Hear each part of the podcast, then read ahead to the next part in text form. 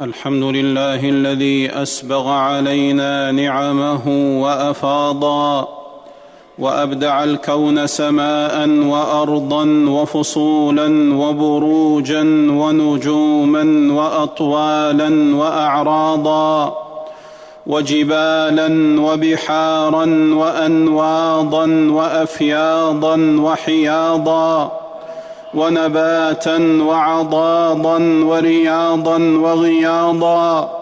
وأشهد أن لا إله إلا الله وحده لا شريك له. شهادة لا نبغي عنها حولا ولا بدلا ولا أعواضا. وأشهد أن نبينا وسيدنا محمدا عبده ورسوله. من خالف هديه نال هونا وخزيا وانحطاطا وانخفاضا. صلى الله وسلم عليه وعلى آله وأصحابه الذين خضعوا للشرع وما بدلوا وما حرفوا وما نكثوا وما أظهروا اعتراضا. أما بعد فيا أيها المسلمون اتقوا الله فبالتقوى تحصل البركة. وتندفع الهلكة. يا أيها الذين آمنوا اتقوا الله حق تقاته ولا تموتن إلا وأنتم مسلمون. أيها المسلمون نزل بكم الشتاء المحم بعد الصيف المسم وجاءكم نفح الزمهرير بعد لفح الهجير وحلت بكم شدة الصر والقر بعد وقدة الحر يقلب الله الليل والنهار إن في ذلك لعبرة لأولي الأبصار.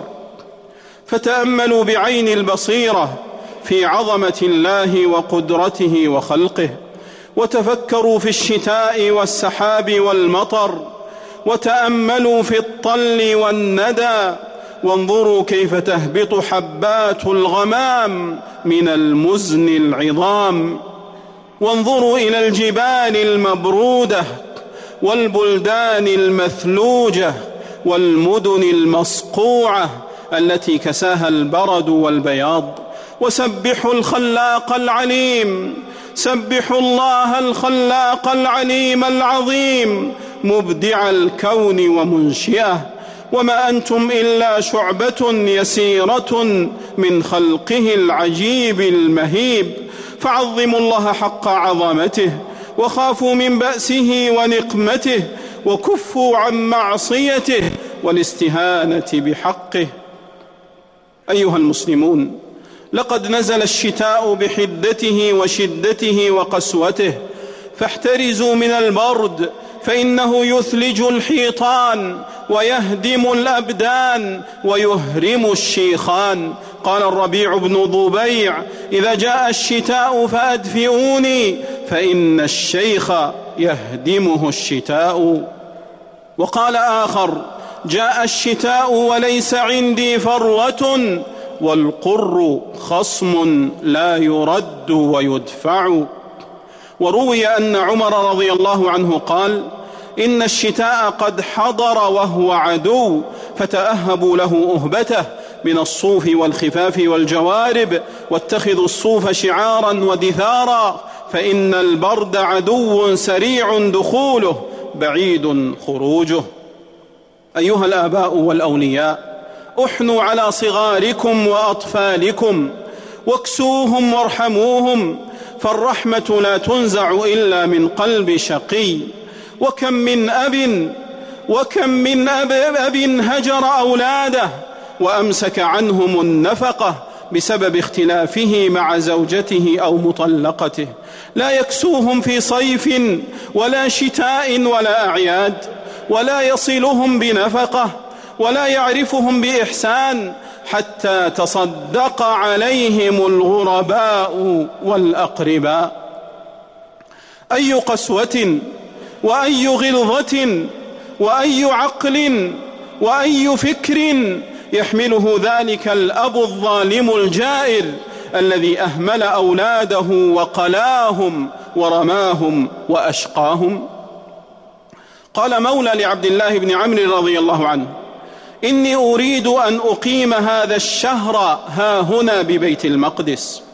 فقال له تركت لأهلك ما يقوتهم هذا الشهر؟ قال لا. قال فارجع إلى أهلك. فاترك لهم ما يقوتهم. فإني سمعت رسول الله صلى الله عليه وسلم يقول كفى بالمرء اثما أن يضيع من يقوت. رواه أحمد وأبو داود. وعند مسلم كفى بالمرء اثما أن يحبس عمن يملك قوته. أيها المسلمون وما أشد أن تعوزك مؤنة الشتاء وتعسر عليك كسوته وأنت إليها مضطر ومحتاج وكم أعوز الفقير وأعجزه عباء أو كساء أو رداء أو لحاف أو غطاء أو غذاء أو دواء له أو لأولاده لم يقدر على ثمنه قيل لبعضهم ما أعددت للبرد؟ قال طول الرعدة والرعشة والرجفة. فإذا ادفيتم واستدفيتم فتذكروا الضعفاء والفقراء والمساكين. فتذكروا الضعفاء والفقراء والمساكين والأرامل والأيتام والمحتاجين. وتذكروا اللاجئين والنازحين والمشردين. الذين ضربهم الصقيع وحاصرتهم الثلوج وقتلتهم العواصف. الفقير يئن والضعيف يستنجد والمضطر يستصرخ. ضاقت يداه وعظمت شكواه. واحتل برك الشتاء منزله وبات شيخ العيال يصطلب. والمؤمنون أقرب الناس رحمة وشفقة وإحسانا وأحناهم على فقير ويتيم ومسكين واحدبهم على أرملة ومطلقة وضعيف وأعطفهم على ملهوف وأنفعهم لمكروب ومضطر لا كافي يكفيه ولا مؤوي يؤويه فتعاهدوهم وتفقدوهم ودثروهم بالأقسية, بالأكسية والأردية والأغطية وزملوهم باللحف والأصواف وأمدوهم بوسائل التدفئة وأمدوهم بوسائل التدفئة والحنو والشفقة والإحسان من المسلم على أخيه المسلم أعظم دفء لمن لا دفء له. عن أبي سعيد الخدري رضي الله عنه. قال بينما نحن في سفر مع النبي صلى الله عليه وسلم إذ جاءه رجل على راحلة إذ جاءه رجل على راحلة له فجعل يصرف بصره يمينا وشمالا فقال رسول الله صلى الله عليه وسلم من كان معه فضل ظهر فليعد به على من لا ظهر له ومن كان له فضل زاد ومن كان له فضل من زاد فليعد به, فليعد به على من لا زاد له. فذكر من أصناف المال ما ذكر حتى رأينا أنه لا حق لأحد منا في فضل أخرجه مسلم. أيها المسلمون والكرم في كلب الشداء وق والكرم في كلب الشتاء وقسوته والإطعام والإحسان إذا شح الزاد وقل القرى وكثر الجدب مأثرة ومكرمة لا يتصف بها إلا الأجواد الرحماء. قال جل وعز أو إطعام في يوم ذي مسغبة يتيما ذا مقربة أو مسكينا ذا متربة. قال إبراهيم النخعي في يوم الطعام فيه عزيز. وتصدق محمد بن عبدوس المالكي في ليلة شاتية بقيمة غلة بستانه كلها وكانت مائه دينار ذهبي وقال ما نمت الليلة غما لفقراء أمة محمد صلى الله عليه وسلم. وقال طرفة بن العبد نحن في المشتاه ندعو الجفلا لا ترى الآدب فينا ينتقر. وقالت الخنساء رضي الله عنها في رثاء أخيها صخر وإن صخرا لوالينا وسيدنا وإن صخرا إذا نشتو لنحار. وقال أوس بن حجر مطاعين في الهيجا مطاعيم للقرى. إذا اصفر آفاق السماء من القرس والقرس أبرد الصقيع وأكثره وأشده. وقال آخر أخو شتوات يعلم الضيف أنه سيكثر ما في قدره ويطيب. أخو شتوات لا تزال قدوره يحل على أرجائها ثم يرحل. فجودوا وتصدقوا وأطعموا الجائع الطاوي الطيان وأطعموا الجائع الطاوي الطيان واسقوا اللهفان والظمآن واكسوا من, من تقعقعت أضراسه وارتجفت أوصاله من لفح البرد وحدته وتفقدوا الجيران والخدم والعمال والأقارب والفقراء والضعفاء والرعاة في الصحراء والرعاة في الصحراء فليس المؤمن الذي يشبع وجاره جائع وسدوا جوعة المسكين وحاجته وفاقته. عن أبي هريرة رضي الله عنه قال قال رسول الله صلى الله عليه وسلم ما تصدق أحد بصدقة من طيب ولا يقبل الله إلا الطيب إلا أخذها الرحمن بيمينه وإن كانت تمرة فتربو في كف الرحمن حتى تكون أعظم من الجبل. كما يربي أحدكم فلوه أو فصيلة. متفق عليه واللفظ لمسلم. أقول ما تسمعون وأستغفر الله فاستغفروه. إنه كان للأوابين غفورا. الحمد لله الذي زينت بشكره الأفواه. وخضعت لعظمته الجباه. أحمده أبلغ الحمد وأكمله وأعظمه وأتمه وأشمله. وأشهد أن لا إله إلا الله. وأشهد أن نبينا محمدا عبده ورسوله صلى الله وسلم عليه وعلى آله وصحبه. صلاة دائمة إلى يوم الدين. أما بعد فيا أيها المسلمون اتقوا الله وراقبوه وأطيعوه ولا تعصوه. يا أيها الذين آمنوا اتقوا الله وكونوا مع الصادقين. أيها المسلمون وفي الشتاء يستدفئ الناس من البرد بالنار يستلذونها ويسمرون حولها ويشعلونها في البيوت والبساتين والخيام. هي في, الشت هي في الشتاء فاكهتهم وجامعتهم. النار فاكهة الشتاء فمن يرد.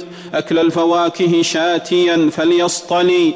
قال عز وجل نحن جعلناها تذكرة ومتاعا للمقوين. فمن أورى ناره وأوقدها وطبخ بها وخبز واصطلى واشتوى واستأنس بها وانتفع فلا يترك في الموقد أو المشعلة أو المجمر جمرة ولا نارا إلا أخمدها وأطفأها في ليلة كان أو في نهار خشية الاحتراق أو الاختناق فالنار عدو غير مزموم بزمام يتطاير شررها ولا يؤمن لهبها عن ابن عمر رضي الله عنهما عن النبي صلى الله عليه وسلم قال لا تتركوا النار في بيوتكم حين تنامون. متفق عليه. وعن أبي موسى الأشعري رضي الله عنه قال احترق بيت بالمدينة على أهله من الليل فلما حدث رسول الله صلى الله عليه وسلم بشأنهم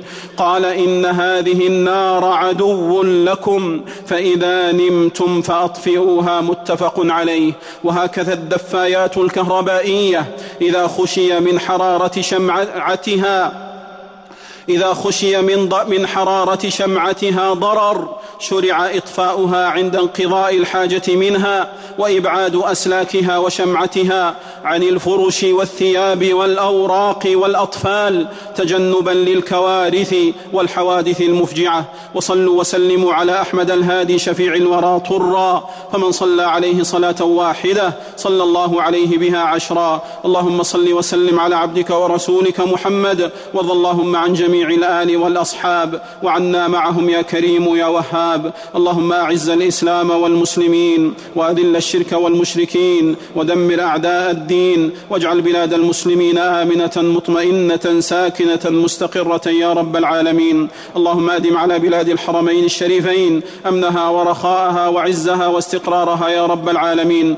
اللهم احفظ حدودنا وانصر جنودنا واخزي عدونا يا رب العالمين. اللهم وفق إمامنا خادم الحرمين الحرمين الشريفين لما تحب وترضى. وخذ بناصيته للبر والتقوى. اللهم وفقه وولي عهده لما فيه عز الإسلام وصلاح المسلمين يا رب العالمين. اللهم أغثنا. اللهم أغثنا. اللهم أغثنا. اللهم سقيا رحمة.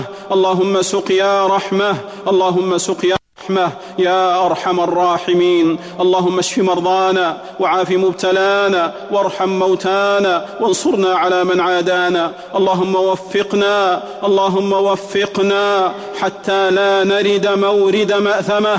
ولا نقف موقف مندمه ولا نرهق بتبعة ولا معتبة ولا نلجأ إلى معذرة عن بادرة يا رب العالمين. اللهم اجعل دعاءنا مسموعا ونداءنا مرفوعا. يا كريم يا عظيم يا رحيم.